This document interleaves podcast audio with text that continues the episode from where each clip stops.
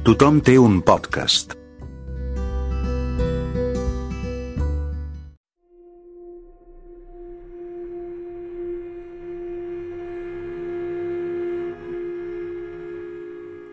Això és un avís. Si us plau, llegiu-lo atentament. A hores d'ara ja deveu haver vist un predictor. Quan llegiu això, se n'hauran venut milions. Per a qui no n'hagi vist cap, és un aparell petit, com si fos el comandament per obrir la porta d'un cotxe. L'únic que té és un botó i un gran led de color verd. Si prems el botó, el llum s'encén. En concret, el llum s'encén un segon abans que premis el botó. La majoria de gent diu que el primer cop que ho proves tens la sensació d'estar jugant a un joc estrany, en què l'objectiu és prémer el botó un cop s'hagi encès el llumet. Un joc força fàcil. Però si proves infringir les normes, t'adones que no pots. Si intentes prémer el botó sense haver vist el llum abans, la llum apareix de manera immediata. I per ràpid que et moguis, no aconseguiràs prémer el botó abans que passi un segon.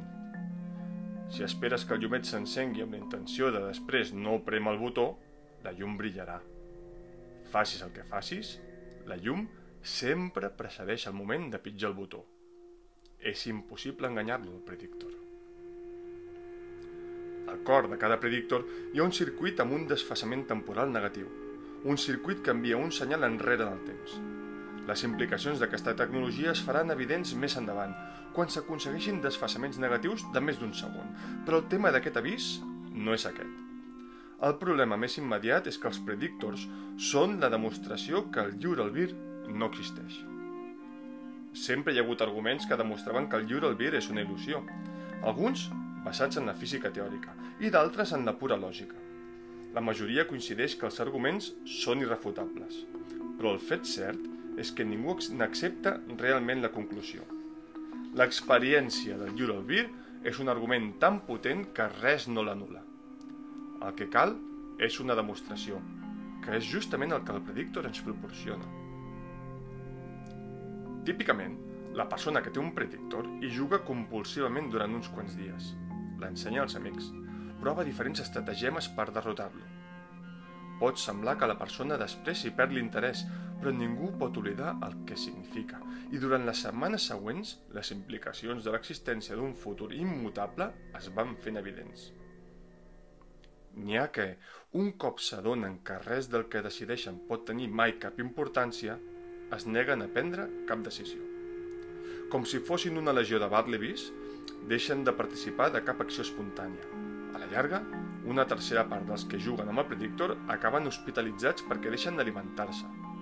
L'estat final és el del mutisme acinètic, una mena de coma conscient. Segueixen el moviment amb els ulls i de tant en tant canvien de postura, però res més. Mantenen la capacitat de moure's, però han perdut la motivació. El mutisme acinètic era molt infreqüent abans que la gent comencés a jugar amb el predictor i es produïa només com a conseqüència d'una lesió al símbol anterior del cervell. Ara s'escampa com una plaga cognitiva. Abans, sovint s'especulava amb el pensament que destrueix el pensador, una mena d'horror Lovecraftià inefable o una frase de Gödel que rebenti el sistema lògic humà. I bé, resulta que aquest pensament incapacitant és aquell amb què tots hem topat.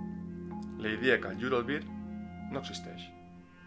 És només que la idea no era tan nociva fins que te la començaves a creure.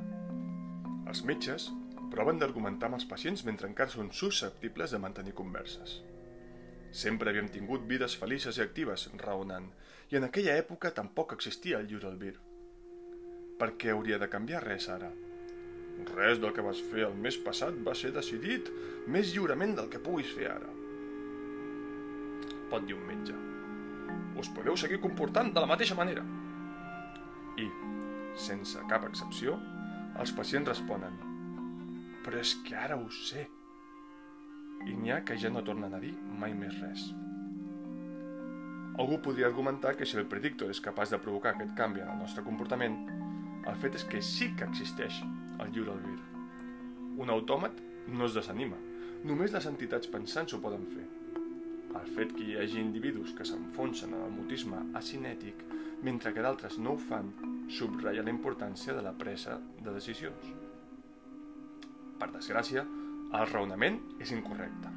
Qualsevol forma de comportament és compatible amb el determinisme. Un sistema dinàmic pot caure en una conca d'atracció i acabar en un punt determinat, mentre que un altre pot mostrar un comportament caòtic indefinit, però tots dos són completament deterministes. Us faig arribar aquest avís des de poc més d'un any en el futur. És el primer missatge llarg que es rep quan els circuits amb desfassaments negatius de l'ordre de milisegons es fan servir per construir mecanismes de comunicació. Després vindran altres missatges sobre altres qüestions. El missatge que us vull donar és aquest. Feu veure que teniu lliure albir. És crucial que us comporteu com si les vostres decisions tinguessin importància, encara que sapigueu que no. La realitat no importa. El que importa és el que creieu vosaltres. I creure's la mentida és l'única manera d'evitar el com a conscient. En aquest punt, la civilització depèn de l'autoengany. I potser sempre n'ha depès. I alhora sé que, com que el lliure albir no és més que una il·lusió, tot està predeterminat. Qui caurà en el mutisme cinètic i qui no. Ningú pot fer res. No podeu decidir de quina manera us afectarà el predictor. Alguns sucumbireu i altres no. I el fet que jo us faci arribar aquest avís no canviarà les proporcions. Per què ho he fet, doncs? Perquè no tenia altre remei.